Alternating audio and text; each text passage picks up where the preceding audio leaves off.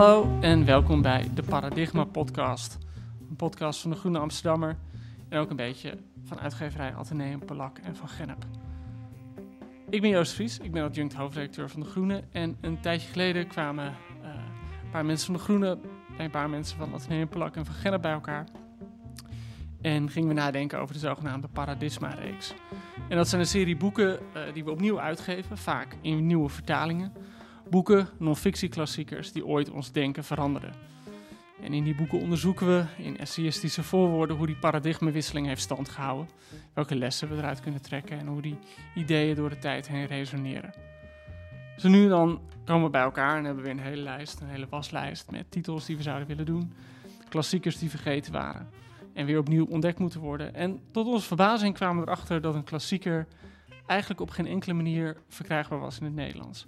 En dat terwijl die klassieker echt een oertekst is. Een van de bronteksten van de meest dominante denkstroom van deze eeuw. En ook van de vorige eeuw. Namelijk het neoliberalisme. Neoliberalisme is een woord dat heel vaak door de lucht vliegt als een virus. Een woord dat soms als een stoplos, stoplap kan worden gebruikt. Soms verkeerd wordt begrepen, soms op allerlei verschillende manieren wordt geïnterpreteerd. Maar het is ook een woord waar eigenlijk maar weinig mensen nog over nadenken waar het precies vandaan komt. En vandaar dus dat we naar die oertekst opnieuw gingen kijken. En die hebben we opnieuw uitgegeven in de paradigma-reeks. En dat is namelijk De Weg naar Slavernij van Friedrich August von Hayek. Frederik Hayek, 1899, 1992. Daar gaan we deze podcast over hebben. En dat ga ik nu niet alleen doen. Ik ga alleen maar vragen stellen. Maar bij mij zitten, zitten twee wijze heren. De eerste is Marijn Oudenamse, socioloog en politicoloog. Hoi Marijn. Hey, leuk hier te zijn. Uh, je promoveerde, zag ik meteen bij, aan de Universiteit van Tilburg Tilburg op het gedachtegoed van de Fortuinrevolte. Uh, je was aan de Universiteit Libre de Bruxelles verbonden, uh, aan de UvA en je specialiseert je al jaren in politieke geschiedenis van het neoliberalisme. Eerder dit jaar publiceerde je ook samen met Bram Mellink het toepasselijk getitelde boek Neoliberalisme en Nederlandse geschiedenis. Klopt dat zo? Of ben ik nu hele gênante dingen vergeten? Of dingen die je graag wil zeggen? Van, nee, nee, nee. Dit, dit, dit, is uh, okay, zeer correct. En naast Marijn zit Koen Hagens. Koen is al heel lang redacteur van De Groene. Uh, bijna zijn hele werkende leven. Hij is ook een tijdje ergens anders redacteur geweest, maar dat vinden we allemaal heel gênant. Daar praten we niet met hem over. Uh, het belangrijkste is dat hij voor ons over economie schrijft en dan de economie in alle mogelijke verschijningsvormen en betekenissen. In 2015 schreef hij bijvoorbeeld nog het boek De grootste show op aarde, de mythe van de markteconomie. Hoi Koen. Uh, we gaan het vast over mythes hebben en over misvattingen. Maar laten we eerst met het begin beginnen. Hayek, ik zei net al, geboren 1899. Dan denk je meteen, hij was 15 toen de Eerste Wereldoorlog uitbrak. Hij groeide op in het Wenen van eerst voor de Eerste Wereldoorlog en daarna. Wat natuurlijk een hele gekke bloeiperiode was vol ideeën en politieke stromingen. Uh, Marijn, moeten we daar ook de wortel van zijn denken zoeken? Ja, zeker. Ja, dat, dat, dat, Wenen van na de Eerste Wereldoorlog was een, een hele gekke plek. Het was ooit een, een wereldrijk en het, uh, nou ja, opeens was het uh, Oostenrijk geworden. Uh, en, en Wenen, het ja, hoofdstad de keizer van het imperium. Was kwijt. Ja. ja. de keizer was weg. en ja, er was na, na die oorlog was er aan van alles een gebrek. er was hoge werkloosheid. En er was ook een, een, een grote linkse beweging, heel actief op de straten van Wenen. en een sociaal-democratische regering die allerlei hervormingen doorzette. Dat is de tijd van het Rode Wenen. Um, en ook een fascistische tegenbeweging die in de schaduwen lurkte. Um, nou ja, in, die periode komt Hayek intellectueel eigenlijk tot wasdom. Um, en uh, zijn, zijn grote leermeester is uh, Ludwig van Mises, die uh, op dat moment bij de Kamer van Koophandel werkt in Wenen. ook onder het, de Oostenrijkse fascisten zou dienen bij de Kamer van Koophandel. en dat is, een, ja, dat is echt een hele vurige liberaal. en die heeft een privaat seminar, dus dat is een, een, een studiekring ja, dat is altijd soort... het ideaal dat je bij Wenen voorstelt. Hè? Dat er allemaal wijze, slimme mensen bij elkaar komen zitten in salons. Ja, in salons en, uh, die, die een hele diepe gesprekken voeren en, en dan uh, doorgaan in de bar tot uh, drie uur s'nachts. Ja. dat is een beetje het verhaal. En, en daar kwamen dus echt allerlei grondleggers van de neoliberale beweging kwamen daar bij elkaar en die, die zagen uh, een heel onheilspellende wereld op hen afkomen. Er was steeds meer protectionisme. Ehm, overheden hadden in de, ten, tijde van de oorlog waren ze gaan ingrijpen in de markt. Hè, waren ze bedrijven ehm, bepaalde uh, quota's gaan opleggen, uh, de productie gaan rationaliseren, et cetera. En dat leek erop dat het na de oorlog dergelijke overheidsinvloed wel eens blijvend zou kunnen zijn. Uh, dus zij, zij, zij zagen de noodzaak om uh, op die basis een tegenwicht te gaan bieden. Uh, Maakt zich ook zorgen over het nationalisme van die periode? Dat is natuurlijk ook een periode na de, tweede, na de Eerste Wereldoorlog dat mensen hun wonden likken en eigenlijk weer ja, langzaam maar zeker met een zeker sentiment nieuwe verbonden zoeken binnen de landsgrenzen. Is dat ook iets waar ze zich mee bezighouden? Nou, het, grappige is dat ze, zij zich niet zozeer druk maakte over het culturele nationalisme, maar veel meer over het economische nationalisme. Hè? Dus de, de afscherming van economieën uh, en ook de, de opkomende onafhankelijkheidsbewegingen in, uh, in wat uh, toen nog de koloniën waren. Daar waren ze erg beducht voor. Dat heette toen ook nationalisme. Ja. Maar het culturele nationalisme stond minder op de radar. Uh, er is zelfs een heel beroemd citaat van uh, Mises, die, uh, waarin hij zegt dat het fascisme uiteindelijk wel, wel heel erg kwalijk was, maar dat het toch ook wel hele belangrijke diensten heeft geleverd in het doen verdwijnen van het rode gevaar op het Europese continent. En zei je dat ver voor de oorlog of, of later? dat is voor de Tweede Wereldoorlog. Ja, okay. ja. ja ehm, Terwijl, want, want ik denk ook meteen Wenen in die tijd super antisemitisch. Op een gegeven moment kreeg je daar uh, halverwege de jaren twintig zo'n hele notoire antisemitisch stadsbestuur, burgemeester. En hij, volgens mij, als ik het goed begrepen heb, uh, kwam hij uit een, een best wel uh, hoogopgeleide familie, toch? Hij ja, was, was Wittgenstein nou een ja. neef van hem of een, een, achterneef? Een achterneef ja. ja, ja. Dus een, een, deel van zijn familie was daar, daaraan verbonden. Ze behoorden ook tot de lagere adel. Dus het was ook von Hayek. En, en later uh, verdween dat von, omdat de, adel werd, de adelstand werd afgeschaft. Ja, pijnlijk zijn geweest voor hem. Ja, maar je ziet het nog steeds op uh, talloze, vooral van die Amerikaanse websites van, uh, van Mises en Hayek-fans. Daar zie je die schilden van die... oh, die wapenschilden. wapenschilden van die families nog ja. staan. Ja. ja. En um, um, ja, dus, dus de jaren twintig, er is een soort van... Uh, in je voorwoord hebben jullie over het socialistische calculatiedebat van Mises en Hayek. En uh, wat, wat, wat moet ik me daarbij voorstellen? Nou ja, zij, zij polemiseerde dus met, uh, met verschillende socialisten over de vraag of je dus een, een, of je het socialistisch beleid op economisch gebied, of dat eigenlijk bestaansrecht had. En zij stelde van ja, je kunt helemaal niet uh, centrale planning is feitelijk onmogelijk. de, de, de markt is een soort informatieprocessor. En uh, je kunt niet vanuit één centraal punt vraag en aanbod overzien. Uh, dat was de, de insteek van, van Mises en Hayek.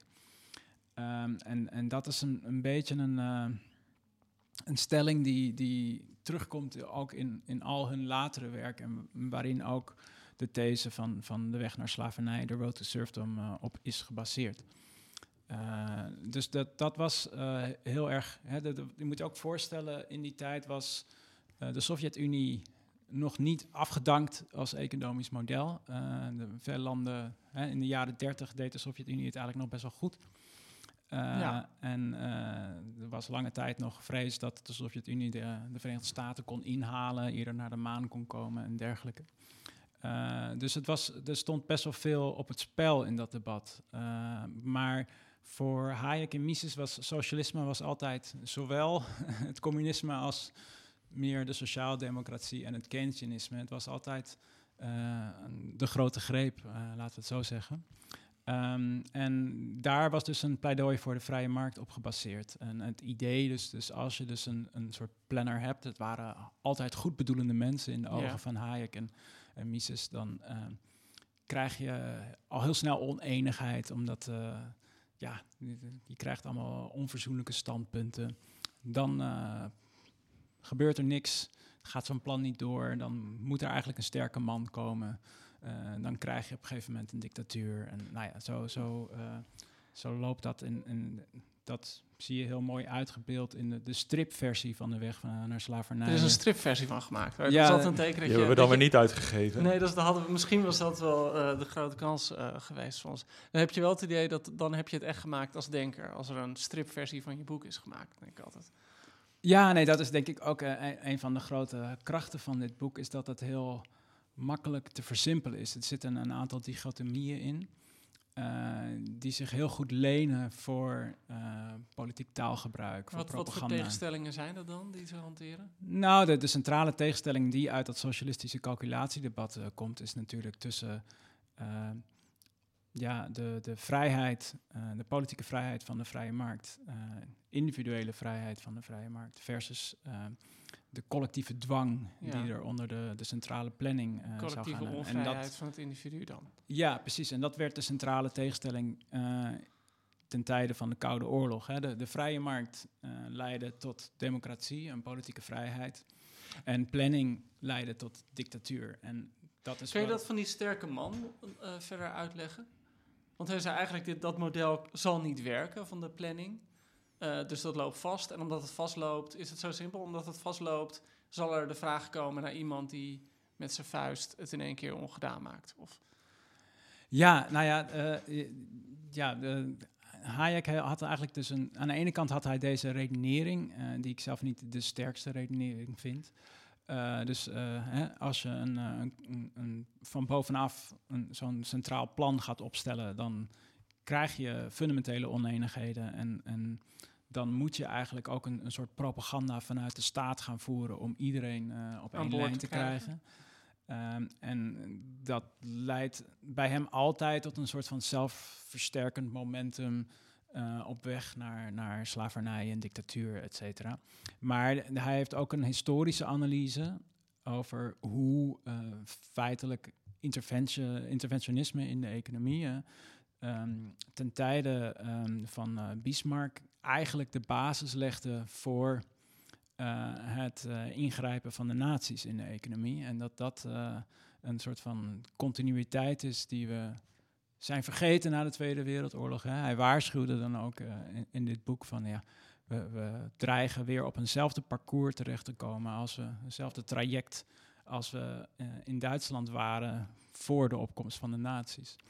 Eh, en dat is zijn, zijn meer histo- eh, historische analyse. ehm, Oké. En daar kun je ook heel veel op aanmerken. Eh, namelijk, die, die is bewust vaag eigenlijk, hè? Die Ja, historische ja, analyse, ja, want de dat is- kracht is meteen van het boek. ja precies, dus hij heeft de hele tijd heeft dit over de opkomst van een, een bepaalde set ideeën over, over planning, maar dat houdt hij bewust heel erg vaag. Eh, wa- waardoor je er van alles bij kan voorstellen. Ja, ja, die planning die kan eigenlijk alles, eh, alles zijn. Het wordt nooit duidelijk van oké, als je hè, bij dit, dit soort maatregelen aankomt, dan wordt overheidsbemoeienis, wordt totalitarisme. Dat houdt hij zo vaag dat het altijd een beetje eh, in het duister blijft wat voor soort overheidsbemoeienis al voldoende is om, eh, om, om een nieuwe Hitler eh, tevoorschijn te brengen. Waardoor het op elk moment in de geschiedenis, met elke maatregel die, die bijvoorbeeld Obama neemt of die Mark Rutte zou nemen, zou je al kunnen zeggen van, oh, kijk eens hier, hè, nu gaat de staat zich Ja, ermee want- bemoeien. Nu komt er een emissieplafond voor, voor stikstof dat gehandhaafd Ja. wordt. That's socialism. Eh, Het communisme Ja. is weer terug. We hebben het trouwens ook gehoord het afgelopen half jaar, die, die vergelijking.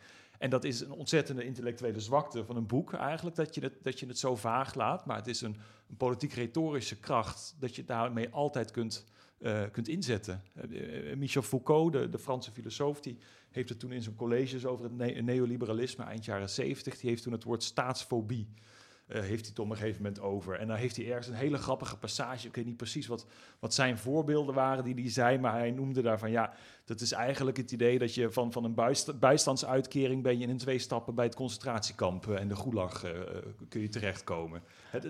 Op zich ook een fijn, een fijn staaltje retoriek.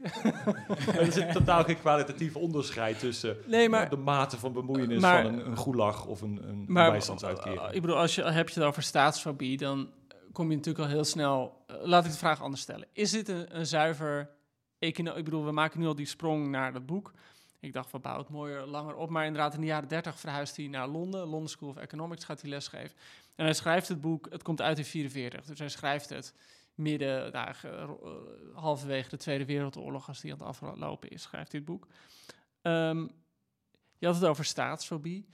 Laat ik de vraag zo stellen. Gaat het alleen over economie, dit boek? Of zit er, ik ga nu een hele sturende vraag stellen, of zit er een diepere onderlaag in? Koen, ik weet niet hoe jij daar naar kijkt.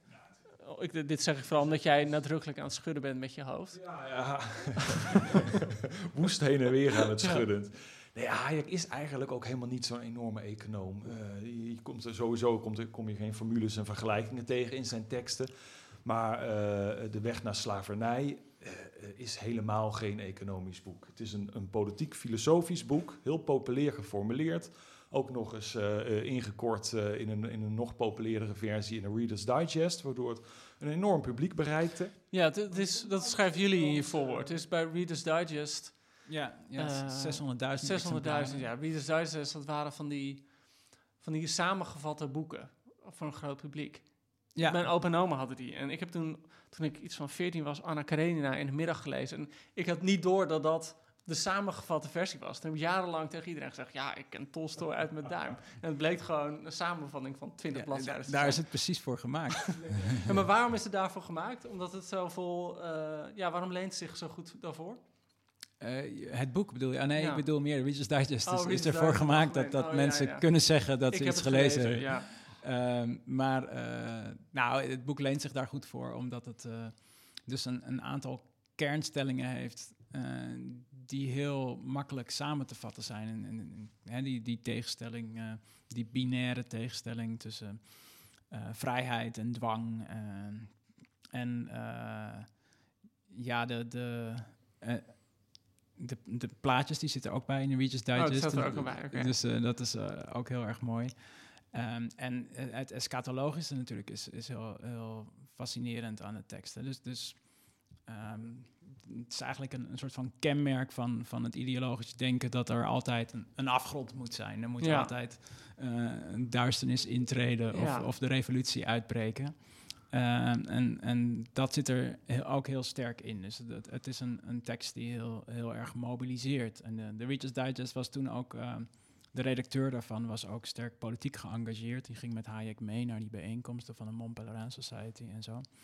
Um, dus er waren een aantal journalisten die daar uh, ook uh, goed in meegingen. Goed in meegingen, ja. Maar Koen, ik onderbrak je volgens mij, want jij wilde, was net aan het, aan het uitleggen uh, hoezeer er ja, onder het, het economische verhaal een hele politieke ondertoon in zat. En volgens mij ook een mensbeeld. Zeker, ja. Nee, ik, ik, ik wilde ook zeggen dat als je het hebt over de economische ideeën van Hayek, die altijd heel sterk uh, ja, een beetje filosofischer zijn over de grote lijnen. Maar dan, dan moet je ook niet in dit boek uh, terechtkomen. Hij heeft elders heeft hij veel meer geschreven over, uh, waar Marijn het net ook over had. Hè, een beetje voortkomend uit dat, dat socialistische calculatiedebat. Hè, wat de functie is van de markt. dat je geen alwetende bureaucraten kunt hebben. Dat je ja, denk je bij wijze van spreken in dat uh, een stad als Amsterdam, dat je voor één dag als ambtenaren zou moeten bepalen wat hier uh, aangekocht moet worden qua middelen, qua, qua goederen hier in de supermarkt uh, om de hoek. wat daarvoor nodig is voor die bevolking en, en, en wat voor een enorm overheidsapparaat dat zou opleveren voor één dag. Hè? De, de, hoeveelheid brood die je moet zijn, de soorten brood die mensen willen. of Joost de Vries nog nieuwe vuilniszakken nodig heeft en welke, of je dan 60 liter of 120 liter. Allemaal enorme hoeveelheden informatie waarvan van, uh, Hayek dan uh, in, in die andere teksten zegt van ja, daar heb je een super, super, super computer voor nodig. Hebben we niet. Gelukkig hebben we het decentrale prijsmechanisme. Hè. Joost de Vries koopt uh, een, een, rolletje vuilniszakken van 120 liter en daarmee geeft hij een signaal af naar de fabriek. Hè, maak alsjeblieft wat meer vuilniszakken van 120 liter, ja. want dat is mijn pedaalemmer omvang. Het interessante is dat, uh, uh, nu maak ik me schuldig aan een zijpaadje hoor, maar dat de laatste jaren in wat obscure hoeken van het internet het socialistische calculatiedebat weer opduikt. Vanuit een soort van revanche, vanuit links, namelijk die zeggen, oké, het kon inderdaad niet in de jaren 20, jaren 30. Het was onmogelijk om al die berekeningen, al die informatie te verwerken met een stel ambtenaren en een vijfjarenplan. Maar we hebben nu de blockchain. We hebben nu een mega computerkracht. Ja, waanzinnige algoritmes die alles bijhouden. Inderdaad, dat doet in feite doet Amazon dat al. Bouw één groot Amazon en je hebt precies door als overheid wat de vraag is, eh, hè, wat het precies het aanbod is. Je kunt het perfect aan elkaar koppelen. En je zou dat dus, ik noem de blockchain erbij, eh, dan heb je het als voorbeeld dat het niet, voordeel dat het niet op zijn Chinees totalitair hoeft, maar dan kun je het ook decentraal houden in zekere zin die informatie, namelijk dat niemand hem kan gaan beïnvloeden, kan gaan sturen, precies weet wat jij hebt gekocht, want dat is ook een, een, een voorname grond voor onvrijheid onder, uh, onder uh, planeconomieën die Hayek noemt. Hè, dat je precies weet van wat jij leest, wat je, wat je eet, allemaal dat soort zaken. Maar goed, dus er is eigenlijk een soort van uh, comeback van, dat, van het hele en wel de, de, meest nerderige krochten van het internet. Dit, Heel ja, dat, ja, dat zijn, maar daar vindt Koen zich doorgaans prima thuis. Maar het punt is natuurlijk dat, dat hij schrijft dat boek, dat komt uit in 1944. Op dat moment is die planeconomie in de meeste delen van Europa geen, geen optie. Het is een realiteit. Je hebt al die oorlogseconomie die, die draaiende gaan, waarin grote delen van de bevolking gemobiliseerd zijn om in deel te nemen. Uh, dus op dat moment bestaat het ook natuurlijk. En wat, wat volgens mij erin doorklinkt, is dat Hayek ook um, een bepaalde angst heeft, allereerst voor de overheid, die denkt: hé, hey, dit werkt eigenlijk wel fijn, laten we mensen hierin in, uh, houden, eigenlijk, of opgesloten houden. Maar volgens mij klinkt er ook in door, dat heb ik ook wel in, in, stukken over hem gelezen, dat hij ook bang was dat de bevolking het wel fijn zou vinden. Omdat het de weg van de minste weerstand is. Omdat uh, hè, als precies voor jou wordt gezegd wat je moet doen, dat mensen het ook wel leuk vinden. En dat hij bang is dat eigenlijk ook de, de, ja, de mens een beetje gebroken wordt in die. Of draai ik nu te veel door? Ik, ik zie jullie met grote ogen kijken. Nou, nee, nee. Ik zit uh, even te zoeken in het archief uh, van mijn hersenen. Nee, maar wat je, wat je nog heel sterk ziet bij Hayek en wat je minder hebt bij, bij een, een, wat later dominant figuur zoals Milton Friedman, is een, een stevige wantrouwen ten opzichte van het volk. Um, en het volk met toegang tot de democratie. Dus, dus en dat komt ook, denk ik, uh, voort uit de ervaringen in Wenen. Um, maar het idee is heel sterk dat als het volk het echt voor het zeggen krijgt, um, dan kunnen democratische meerderheden ertoe besluiten om uh, protectionisme uh, ja. door te voeren, om, om allerlei vormen van overheidsingrijpen te, vra te vragen, zoals een prijsplafond of ja, okay. andere dingen. Dus de dus, dus, van de meerderheid. Ja, een soort tirannie van de meerderheid, dat, dat leeft heel sterk in, in het denken van Hayek. En hij is ook iemand die in, in zijn latere boek, The Constitution of Liberty, uh, wat eigenlijk zijn meest positieve uh, utopie eigenlijk is van, of, of zijn, zijn blauwdruk voor een, een, een neoliberale samenleving. Dus allerlei grondwettelijke mechanismen instelde, zodat de overheid niet kan ingrijpen en, en zelfs niet kan herverdelen.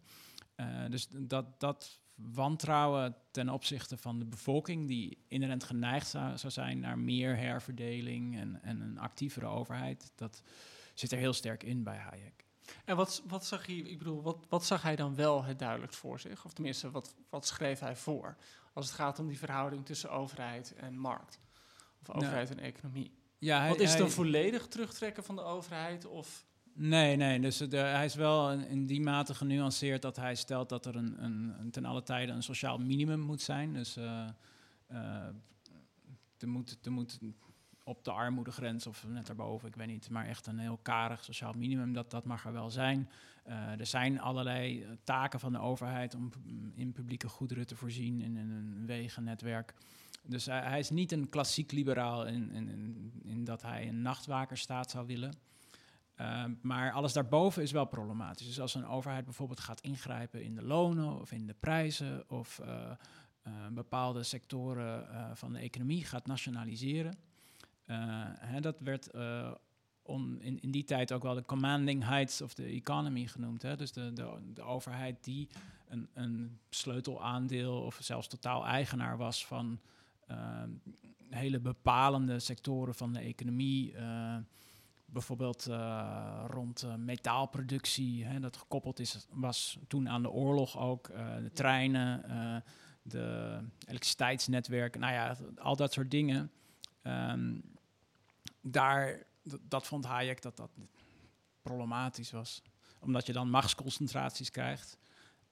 en juist het decentraliseren van die macht was voor hem een voorwaarde voor vrijheid. Ja. En het gebeurde natuurlijk ook allemaal eh, in die tijd in uh, Groot-Brittannië. Hij, ergens zegt Hayek in het boek van er is geen bladzijde van Mein Kampf die de afgelopen jaren in dit land, en dan bedoelt hij Engeland, niet door iemand geopperd is als een prima idee.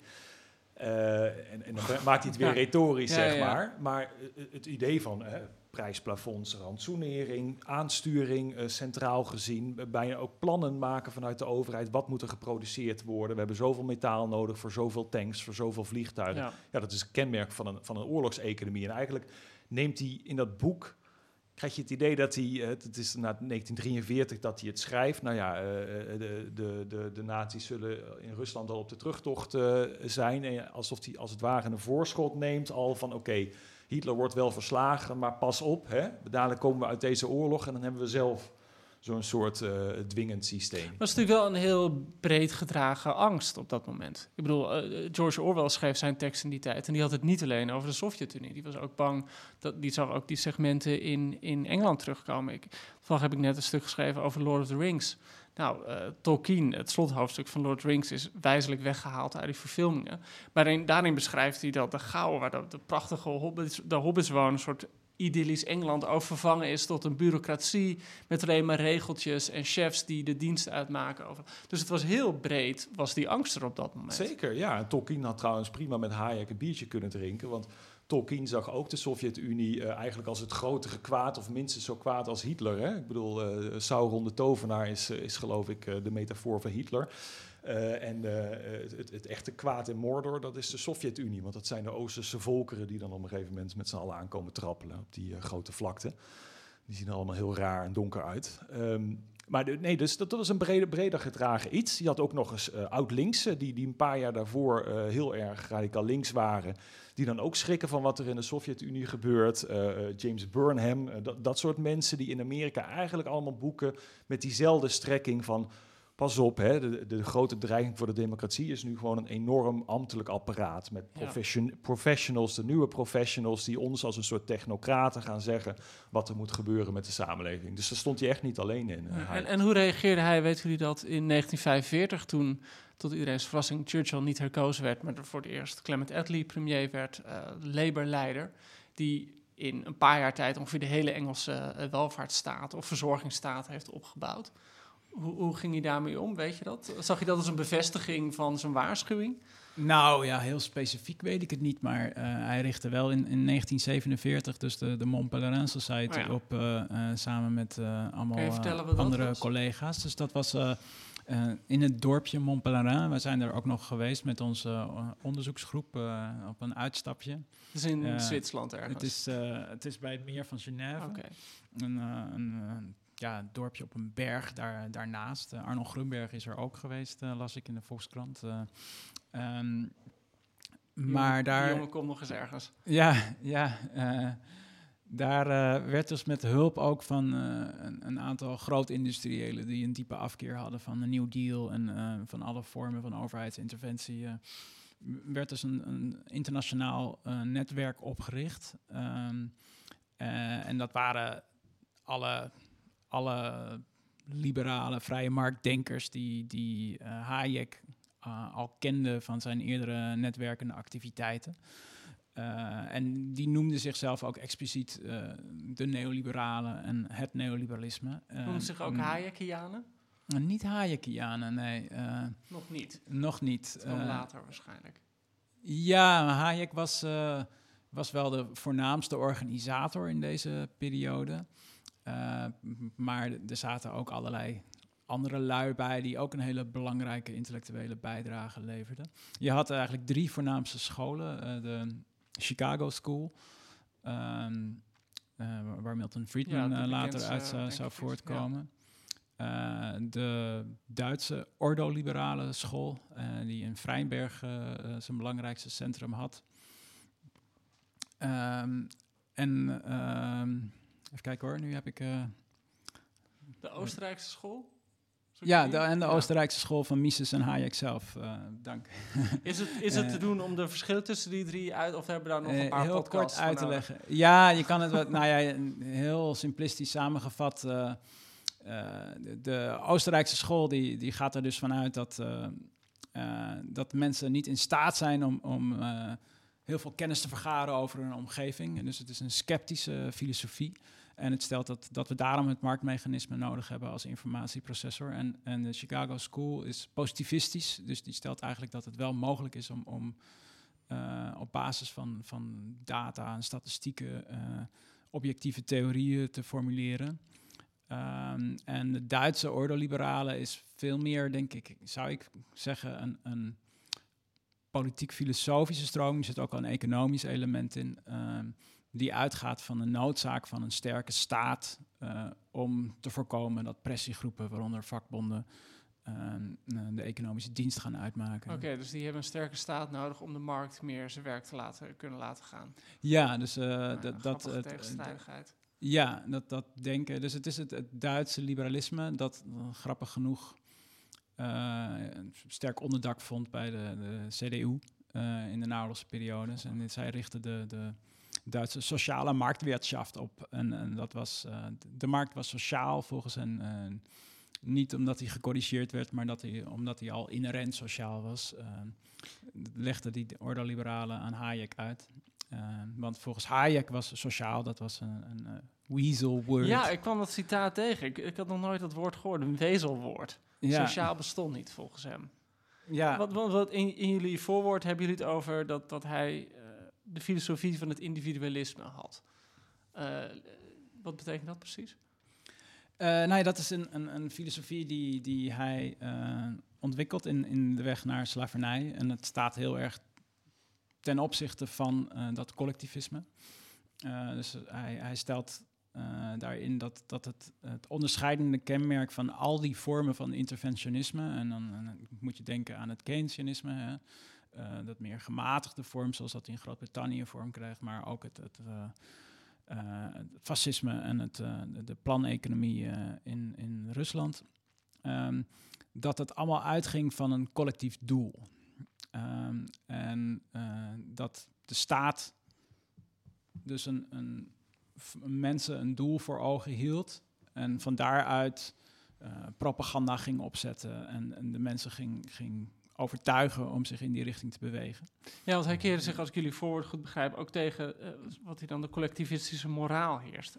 Dus ja. het idee dat een overheid een bepaalde moraal uitdraagt, van dit hoor je wel te doen, dit hoor je niet te doen, dat, was hij, dat vond hij ook eng. Ja, dat vond hij heel eng. Uh, uh, en zijn, zijn stelling is feitelijk dat als de overheid een dergelijke moraal verordeneert, dan kunnen wij zelf geen morele wezens meer zijn. Want dan, dan worden we eigenlijk gedwongen. Ja. ja. dan volg je alleen maar. En uh, dat leidt eigenlijk tot een soort nihilistische samenleving. Uh, en uh, het is juist de voorwaarde van een overheid die enkel als een soort facilitator optreedt, als een soort scheidsrechter, als een bemiddelaar. Um, die ons in staat stelt om, om zelf morele keuzes te maken en, en zelf doelen te stellen. Maakt, maakt dit, dit is gewoon een, een puur persoonlijke nieuwsgierigheid van mij, maar maakte Hayek en, zijn vrienden uh, van de Mont Pelerin Society daar nou zelf een beetje gebruik van? Dat idee dat je, hè, niet dat collectivistische, want dan wordt het maar een grijze massa en dan zijn we allemaal slaven. Maar maakte die eigenzinnige keuzes in zijn privéleven? Want hij komt er mij altijd zo ontzettend braaf en saai over. Nou, hij schijnt er vandoor te zijn gegaan met, met de voormalige partner van Keynes. Oh, dat is nog iets. Oh, dat is dus, wel, dat is wel echt, een, ik bedoel, het is duidelijk dat die twee een rivaliteit hadden, maar dit is wel, maar dat opeens heel persoonlijk. Ja, maar dat, daar heb ik me wel niet echt diep op ingelezen. Dat is iets waar mijn vriendin mee aankwam zetten. Uh, die is meer geïnteresseerd in, de, in die kant van het verhaal. Um, wat mij altijd opvalt aan, aan, aan Keynes is dat er zoveel, of uh, sorry, wat mij altijd zo opvalt aan Hayek, is dat er zoveel vrolijke foto's van hem zijn. Want je hebt, als je, als je gaat googlen en je kijkt bij afbeelden, zie je alleen maar foto's waarin hij met Reagan staat of Thatcher. En zo heel breed aan het grijnten, zo voor mijn gevoel heel trots dat hij bij die mensen mag verkeren. Ja, hij heeft natuurlijk een enorme depressie gehad in de jaren zestig. Uh, toen uh, werd hij... Uh, ja, dat beschrijven jullie ook. Toen was hij eigenlijk... Ja, zijn theorieën vielen in het niet. Ja, dus je moet wel echt bedenken dat uh, tijdens de gouden jaren van het kapitalisme, van, van de jaren 50 uh, tot de jaren 70, uh, was de, de voorspelling van Hayek, die werd eigenlijk door niemand echt serieus genomen. Het was een Cassandra. en hij, hij viel ook weg uit dat neoliberale netwerk van de Mont Pelerin Society. Het was Milton Friedman die een veel populairder figuur bleek. Ehm, dus uh, het leek erop alsof hij het hoogtepunt van zijn carrière al lang had bereikt. Uh, en dat het nu voorbij was. En toen brak eigenlijk de tijd aan in de jaren zeventig dat het Keynesianisme in crisis geraakte vanwege inflatie en, en stagnatie. Um, en toen kreeg hij als uit het niets opeens de, de Nobelprijs in 1974.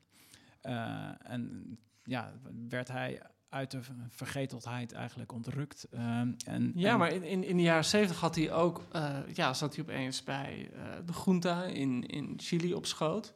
Toch? Dat was met Pinochet, dat hij daar helemaal... Uh... Ja, daar heeft hij persoonlijk mee, mee afgesproken. En heeft hem, heeft hem ook al zijn boeken toegestuurd. En heeft hem met hem daar uitvoerig over gesproken. En, en natuurlijk in 69, 79 kwam Thatcher op. Hij was, was een van de grote filosofen toch van Thatcher. Die, uh, die ook met zijn theorieën rondliep. Ja, maar dat, dat is natuurlijk... Voor hem is het... kijk, als, het, als we het nu teruglezen, dan is het fascinerend om te zien dat hij bij de oprichting van de Mont Pelerin Society in 1947 een soort voorspelling doet. Hè, dat ideeën enkel op de lange termijn invloedrijk kunnen zijn. En dat ze dus een lange termijn strategie van intellectuele beïnvloeding moeten hebben. Um, en dat dan in de jaren 70 dat ook nog blijkt te, te, hebben gewerkt. Of, uh, maar dat was lange tijd was dat voor Hayek zelf en voor de samenleving in bredere zin was het totaal niet aan de orde. Dus ik denk ook dat hij uh, vanaf de jaren zeventig uh, heel fris en, en monter op al die foto's verschijnt. dat hij verbaasd was dat hij opeens weer die positie had. Ik vond het heel grappig, ik las die, die biografie van Charles Moore van Thatcher. Dat ongeveer een van de laatste dingen die hij deed als premier was lunchen met hem. Hij was toen echt al 90 of zo, maar dat is toen nog... Ik vond het zo grappig dat het, het leek echt, het was volgens mij de dag of een paar de week voordat ze afgezet werd. Alsof dat het, het einde van haar, haar politieke carrière was nog één keer lunchen met Hayek. Waarbij Thatcher zelfs uh, in een positie een keertje heeft gezeten dat, je, dat ze Hayek moest afremmen. Dat hij niet te radicaal moest gaan doen. Want hij had haar gevraagd, geloof ik, om alle, alle recepten van uh, Pinochet klakkeloos te kopiëren. En toen moest uh, Thatcher Hayek gaan uitleggen van nou we zitten hier net in een wat ander soort land met een democratie. En we proberen dingen soms een overleg te doen. Hè. De ijzeren dame moest dat gaan, gaan uitleggen aan hem. Ja, nee, maar dat, dat begreep ik wel van, van Hayek. Dat, hij, dat, dat De Weg naar Slaverij een zachter boek is dan zijn latere boeken. Dat hij gaandeweg zijn leven wel steeds meer stringent, steeds meer rigide in zijn eigen gelijk uh, raakte. Zeker in de laatste twintig jaar van zijn leven. Dat hij er volgens mij ook niet een, een makkelijker mens uh, door werd. Maar goed, dat, uh, we hebben hem niet persoonlijk gekend, dus dat, dat moeten we eventjes... Maar oké, dan even uh, uh, dat neoliberalisme. Jij hebt net een boek over geschreven met Bram Mellink, een soort ja, archeologie van dat idee door de Nederlandse geschiedenis heen, vanaf het einde van de Tweede Wereldoorlog. Het neoliberalisme is, is nog steeds zo'n woord. Ik, dat, dat heel makkelijk wordt gebruikt. Dus je kan hem bijna overal volplakken. Ik bedoel, je kan of een MOVE een neoliberale fiets noemen. Het, het, het, is soms bijna ook zo, we leven in een neoliberale huizenmarkt en dan weet niemand precies. Het is een heel groot woord geworden dat je overal voor kan gebruiken. Dus, dus om een domme vraag te stellen, waar hebben we het volgens jullie over als we het over neoliberalisme hebben? Koen, ik kijk eerst naar jou. Ja, je hebt helemaal gelijk. Het was een tijdje lang ook, uh, dat was voor de crisis van 2008 dan kon je het eigenlijk niet over kapitalisme hebben, want dan klonk je meteen als een Marxist. Ja. Daar was net mee afgerekend, uh, niet zo lang daarvoor. Uh, dus het was een tijdje ook een codewoord, neoliberalisme. Het was om een, een tijdje ook een soort, ja, uh, ik heb het wel eens een linkse dog whistle genoemd. Even laten zien aan, aan je andere progressieve geloofsgenoten dat je ook aan de goede kant staat. Uh, er was zelfs een punt dat we hier bij de Groene Amsterdammer met een paar mensen tegen elkaar hebben gezegd van nou weet je, we gaan vanaf nu proberen het woord neoliberalisme niet meer te gebruiken, tenzij het echt niet anders kan, maar we gaan gewoon eens even proberen om het te vervangen door iets duidelijkers. Hè? Ja. Dus, dus en wat is dan duidelijker? Nou, dat, dat verschilde dus heel erg per situatie, maar vaak heb je het gewoon over liberalen. Hè? Of je ja. hebt het over uh, een bepaald soort economisch beleid, of uh, in het geval van, van jouw Van Moof fiets Ja, ik, wil wel graag voor de luisteraar duidelijk maken dat dit een hypothetische vermogenfiets was. Dat ik geen echte vermogenfiets heb, jongens.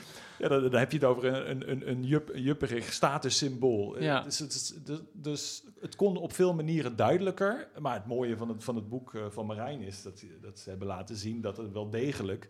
Hè, er was op een gegeven moment een soort inflatie van het woord eh, neoliberalisme. Maar het heeft wel degelijk echte wortels. En ook wortels in Nederland. En een echte, een, een stevige geschiedenis. Ja, want ja, dat is natuurlijk een open deur voor jou, Marijn. Eh, eh, eh, jij, hebt net met Bram dat boek geschreven, Neoliberalisme, wat volgens mij supergoed is opgepikt. En jullie hadden ook een voorpublicatie in De Groene, waarin jullie ook weer beschrijven dat het neoliberalisme in Nederland toch weer een andere ja, traject heeft gevolgd dan het in veel in de anglo-saxische wereld is.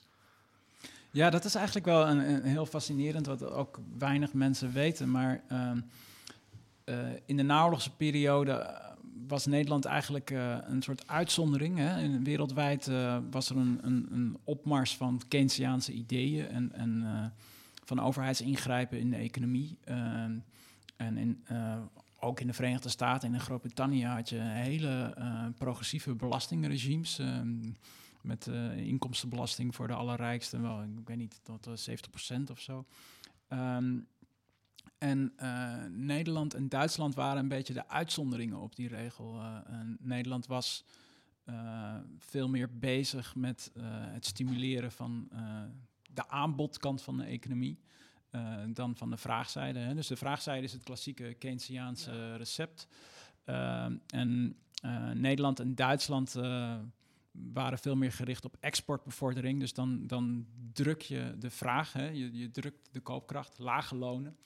Eh, dat is belangrijk om veel te exporteren. Ehm, maar daardoor druk je ook de, de binnenlandse markt mee. Dus het, Nederland had een anti-Keynesiaans recept. Ja, ik zie ja. je enigszins even... Nee, nee, maar ik, ik zit erover na te denken. Dan druk je dus de inkomens van je eigen bevolking om dat met export eh, goed te maken? Of eh, was het gewoon voor iedereen nadelig?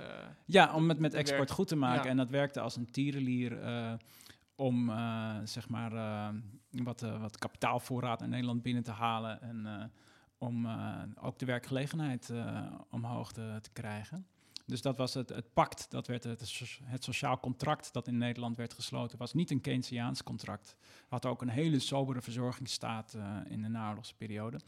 Eh, en we laten zien in, het boek dat dat mede onder invloed van, van neoliberale ideeën was. Je had een aantal van die eh, eh, topindustriëlen die, die sterk geïnspireerd waren door Hayek en Rupke, een Duitse neoliberaal. ehm, en die ook met hen samenkwamen in Bloemendaal, een conferentie belegden met die Mont Society.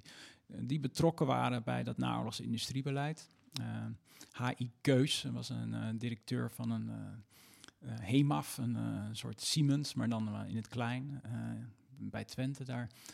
En eh, ja, dus, dus je ziet dus eigenlijk dat er al eigenlijk veel vroeger dan veelal wordt gedacht. Hè. We denken vaak aan neoliberalisme, denken we aan Thatcher, Ja, Reagan en ja, dan de eh, de, 80. de Amerikanisering van de Nederlandse eh, samenleving. Zo, zo denken we daar veelal over. Eh, maar als je terug gaat kijken, dan zie je dus dat, dat Nederland een, een vrij marktgericht economisch beleid voerde na de Tweede Wereldoorlog, waar dus een, een duidelijk neoliberaal element in zat. Lage belastingen, deregulering, afbouwen van overheidsinterventie in de economie. Ehm, en volop eh, inzetten op het investeringsklimaat. Ja. Eh, dat, eh, dat is een, eigenlijk een, een traditie die heel ver Ik terug gaat. zeggen, dat, je kan de echo's in zeg maar de eerste drie kabinetten van Rutte... kan je daar makkelijk in terug horen. Ja, precies. En, en we, ja, dan krijg je dus op een gegeven moment dat dat hele recept spaak loopt. Het gaat zo goed met, met de economie in Nederland dat er eh, een tekort aan arbeid ontstaat. Eh, dan lopen, gaan de lonen oplopen. Alle bedrijven die eh, overbieden elkaar om maar arbeiders aan te trekken, vaak zwarte lonen. Dan krijg je de loonexplosies in de jaren 60 en, dan besluiten ze een soort pact, een nieuw type pact te sluiten met de, de vakbonden en te zeggen van oké, als jullie de lonen matigen, dan gaan wij de verzorgingsstaat uitbouwen. En dan krijgt Nederland opeens, midden jaren 60, een hele genereuze verzorgingsstaat. Eh, mede ook omdat ze zo laat waren en omdat ze ervan uitgingen dat, eh, eh, dat volledige werkgelegenheid de norm zou zijn. Ja. En dat is eigenlijk het plaatje dat we altijd bij Nederland zijn, zijn blijven hebben. Ja, zijn heel erg, een heel ja. progressief land met een hele genereuze verzorgingsstaat, een beetje Scandinavisch Ja, model. ja. Maar dat is eigenlijk meer een soort van uitzondering op de regel. Uh, wij noemen het het, het Keynesiaanse intermezzo. Uh, ook omdat Den Uyl van het kabinet Den Uyl in de jaren zeventig uh, echt zo'n volbloed Keynesiaan was die heel erg inzette op uh, Keynesiaanse bestrijding van die crisis van de jaren zeventig. En dan laten we zien dat uh, echt de, de topambtenaren, beleidseconomen bij de ministeries eigenlijk teruggrepen op die eerdere tradities uit de jaren 50. Daarbij ook weer verwijzend naar neoliberale economen die een opmars maakten in de Verenigde Staten. Um, om uh, te breken met dat Keynesiaanse beleid en in de jaren tachtig uh, in te zetten op uh, privatisering, deregulering, liberalisering, flexibilisering. de typische mantra's die wij met het neoliberalisme associëren. En dat werd in die tijd al, ook al gezien als een neoliberalisme. Hè. Dus wij halen in ons boek ook de hele tijd mensen aan als Wim Kok, Bart Tromp, zelfs Ruud Lubbers had het over het neoliberalisme. Um, Alleen weigerde te erkennen dat wat hij deed het neoliberalisme was. was nou dus dus ja. die term die gaat al heel lang rond. Volgens mij schrijf je dat in, in je andere boek over uh, de conservatieve revolte. Dat Nederland heel goed is in doen alsof bepaalde keuzes niet... Uh, moet ik het zeggen? Dat de Nederlandse politie over het algemeen heel eufemistisch zijn ingesteld... en heel goed kunnen doen alsof ze geen politieke keuzes maken. Uh, dus he, dat Ruud Lubbers het liever over no-nonsense had dan over neoliberalisme. Zoals uh, andere politici dat ook wel deden. Ja, het gaat het, een Nederlandse politiek draait altijd om depolitisering. En dat heeft heel erg te maken met het coalitiestelsel. Hè. Dus als je in, in, in de VS of in Groot-Brittannië aan de macht komt, dan kun je gewoon zeggen wat je wil, Ja. en wat je doet en wat je intenties zijn. Dat is ook belangrijk ja, naar je kiezers toe. eh, partijenstelsel. Maar als Of je bijvoorbeeld als, een, als een, eh, de VVD aan de macht komt samen met de PvdA en ze willen eh, de belastingen eh, omlaag, dan gaan ze natuurlijk niet zeggen dat dat een, eh, een VVD-stokpaardje is en dat dat een, een minimale staat dichterbij moet komen. En dan zeggen ze gewoon dat dat pragmatisch is Ja. en efficiënt, want dan kan de PvdA daar ook in mee zonder dat het hen al te veel gezichtsverlies kost. Hè, dus de, binnen de Nederlandse coalitiepolitiek is het voortdurend noodzakelijk om dingen te depolitiseren. En dat was voor het CDA in de jaren tachtig ook het geval. Eh, die, moest, die hadden een progressieve vleugel. Die, er was een, waren christelijke vakbonden en zo. Nou ja, als je die mee wilde krijgen, dan ging je niet zeggen dat je, eh, dat je af wilde van de Nee, verzorgingsstaat. En dat, het, eh, dat je een, een, een sterk liberale politiek wilde ga- gaan voeren. Koen, ik, een tijdje- een paar weken geleden was het stuk van Marijn en eh, Bram, dus de cover. En tot, tot mijn verbazing hebben we eerder eh Hayek op de cover gehad. Dat was een groot stuk van jou, dat was in 2011. En toen beschreef je eigenlijk de, de Hayek-wellen na de kredietcrisis. Ja, dat was toen echt een, eh, een Hayek revival. Ik, ik moest eh, heel erg lachen. Je begint met een citaat van, van Glenn Beck, die ik echt helemaal vergeten was. Ik, Ja. ik moest echt even nadenken. Carlson, zeg maar, van de jaren Ja, inderdaad. Dus, dus zo'n talkshow-host in Amerika. En, en die hield op een gegeven moment in zijn talkshow... eh, hield hij dus The Road to Serfdom, de weg naar slavernij, overheid. En toen zei hij, dit boek was als Mike Tyson in zijn hoogtijdagen. En wat, wat was, ja, op dat moment had je, ja, wat was toen de appeal? Ja, je, je had toen, eh, dit is allemaal natuurlijk voor Trump eh, en, en, en wat er toen gebeurde. Maar eh, we hadden de kredietcrisis gehad en toen kreeg je een enorme, de comeback van Keynes had je eigenlijk. Ja, Keynes was doodverklaard, er werd lacherig over gedaan, er werd gewoon... zodra die naam nog viel op economische conferenties, begonnen mensen een soort van te in grinniken en, elkaar 90, aan te tikken. begin van deze eeuw. Ja, ja, het was helemaal gediscrediteerd. Hè. Dat- Dat zou helemaal niet meer wetenschappelijk zijn. Nou, eh, toen kreeg je vervolgens dat, dat hele failliet eigenlijk van die ideologie eh, door in 2008 de enorme eh, crash met de banken. Gered vervolgens op kosten van de belastingbetaler. Zitten we deels nu nog steeds met die gevolgen. En dan, toen kreeg je dus eh, de, de, de comeback van Keynes. Van hé, hey, we hebben toch eh, misschien iets te hard afscheid van hem genomen. Hè. Zelfs als het Nederlands, eh, het, het voortgezet onderwijs op de middelbare school... was Keynes net dat jaar uit het programma gegooid. het. Want het Oké. was niet meer relevant voor onze scholieren om te leren. Nou, dat bleek toch net wat anders te liggen. Want je bleek gewoon eh, Keynes nodig te hebben op momenten dat het misdreigt te gaan. Dan heb je in ieder geval, in ieder geval dan heb je dan een overheid nodig. En het was daarvoor misschien ook wel handig geweest als die overheid wat steviger had opgetreden. want dan was het nooit zover gekomen met, uh, met de banken, met de crisis. Um, en toen gek genoeg, een paar jaar daarna, ging ik schrijven over ja, wat er voor beide kredietcrisis zou komen, wat, wat de, de grote alternatieven waren. Hè. Je had bijvoorbeeld de Green Deal, die ideeën. Inmiddels is die nu eh, aangenomen, maar die, die, ideeën die kwamen toen op om de economie aan te zwengelen à la de jaren 30 Roosevelt deed, maar dan op een groene, duurzame manier. Uh, maar een andere stroming die je toen zag, was dus uh, ja, de, de tegenreactie. Uh, je had Obama in, in de Verenigde Staten en we zijn nu misschien geneigd geraakt hem te zien als iemand die niet heel veel voor elkaar heeft gekregen. Hè, die altijd het midden wilde bewaren, die, die niet echt durfde door te pakken, omdat hij niet wilde polariseren ten opzichte van de Republikeinen. Maar in Amerika werd het debat veel harder gevoerd. En daar werd uh, gezegd van, oh, tegen Obamacare werden de vergelijkingen ook met Hitler getrokken. Uh, en, en, in die context van de Tea Party-beweging, van uh, nou ja, alles waaruit later ook Trump zichzelf weer kon voeden, daar kwam toen een revival van een aantal van die klassieken voorop. Friedrich Hayek, die dus inderdaad werd aangeprezen en die dus ook in één keer weer in de bestsellerlijstjes belanden van de een op de andere dag. Dat was heel erg, heel erg frappant. En ik heb toen dat tijd ook met wat van die Amerikaanse gelovigen gesproken. En daarbij viel mij ook op hoe flexibel hun argumenten in zekere zin waren. Want waar we het vandaag over hebben gehad, hè, wat, wat de kern was van Hayek's denken, dat kwam eigenlijk nauwelijks terug. Die dingen over de, de, de wijsheid van de, van de markt, van het prijsmechanisme om te weten wat mensen willen, om dat te kunnen coördineren. Daar ging het eigenlijk helemaal niet over. Het ging er gewoon over van Obama is meer overheid. Meer overheid is slecht, want meer overheid leidt tot socialisme, uh, nationaal socialisme, communisme, noem maar op. En, en dan zie je dus de kracht van dat frame. Je hebt een boek gehad, dat is verschenen in 1944. Dat leek in de jaren na de oorlog die zin gelijk te krijgen dat de economische bemoeienis van staten overal ter wereld inderdaad blijvend groot bleek, maar werd volkomen gefalsificeerd door te laten zien dat dat ook met democratie hand in hand kon gaan. Er ontstond geen nieuw uh, Nazi-Duitsland. Uh, Groot-Brittannië, uh, al die landen die die weggingen, waren voorbeeldige democratieën. Het waren de gouden jaren van het kapitalisme zelfs. Dus ook voor het kapitalisme was het een hele, hele goede tijd. Dus gefalsificeerd, hè, om het zo te zeggen.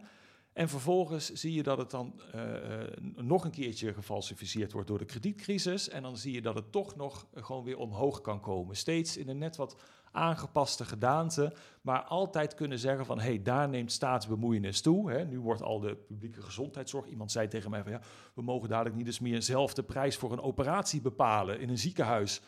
Socialisme, Hayek. Ja, ja. ja dan, dan kun je dat. Toen, toen dacht ik eigenlijk ook van ja, hier kun je eeuwig mee doorgaan. Dit boek is over 100 jaar nog steeds een bestseller. Want je, ja, het, het is. Uh, ja, het is nou zo'n duidelijk frame. Is het is een heel duidelijk frame, maar het is ook nou eenmaal een gegeven. Je kunt geen markt hebben zonder overheidsbemoeienis. De, de, de enige voorbeelden van markten zonder overheidsbemoeienis.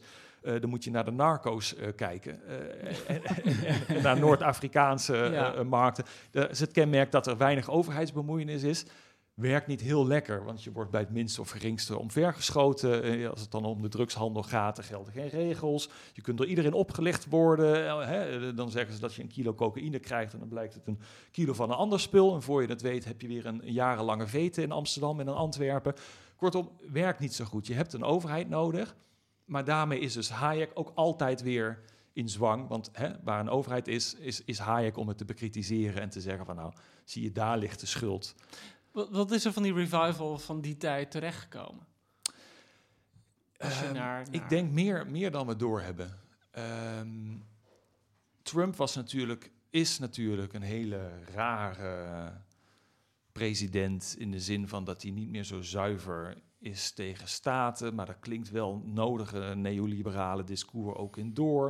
Het is heel moeilijk te plaatsen. Ja, wel iemand die alles socialistisch noemde dat die, die, die vergelijking, die gelijkstellingen, ja, die, die, die staatsfobie dus weer, die is enorm terug. Dat zien we in Nederland ook met de boeren, met Forum voor Democratie. Hè. Heel snel van, oh, deze maatregel vinden wij niks, dit overheidsingrijpen, pas op, de gulag uh, staat om de hoek. Uh, en ik denk ook dat het uh, invloedrijk is geweest tot op de dag van vandaag. In de zin van dat wat, wat, wat Hayek, toen hij eenmaal succesvol begon te worden vanaf de jaren zeventig Uh, staten hebben dat verinternaliseerd, die kritiek. Ambtenaren hebben dat uh, zich bijna van binnen eigen gemaakt. Een soort schaamte om ambtenaar te zijn. Schaamte bij, bij kabinetten om, om op te treden, om politiek te bedrijven. Waardoor je een soort ja, zelfmas de sadomasochistische staat kreeg. Die zichzelf de hele tijd met de zweep gaf. Van oh, we zijn te groot, we moeten inkrimpen. Hè? Nou ja, dat zag je na de kredietcrisis. Eventjes was de overheid uh, overal present en moest je de brand blussen. Vervolgens kregen we uh, crisis in Europa, ging Nederland historisch hard bezuinigen. Dus dat, dat hele tijd toch dat idee, zelfs bij de overheid zelf, van oh, hè, we zijn te dik, we moeten afslanken. we zijn te, te, te, ver uitgedijd, we moeten nu het mes zetten in de uitgaven. En ik zeg van dat, dat merken we tot op de dag van vandaag. Maar ja, daar zit wel volgens mij een verklaring voor het, het vertrouwens, de vertrouwenscrisis in de politiek. Namelijk de politiek uh, geloofde zichzelf al niet meer dat, uh, dat, dat politiek een apart vak is. Dat de overheid iets anders is dan een bedrijf. Dus ze gingen zich gedragen als het eerste de beste uh, onderneming. Ze gingen hun werknemers geen loonsverhogingen meer geven. gingen banen flexibiliseren. Ze gingen de burger als cliënt behandelen. En kijk nou, de, de burger gelooft het niet meer. En heeft er weinig vertrouwen in. Zie jij dat ook? Zie jij daar ook de, de doorwerking in? Of zie je ze ook nog op andere plekken?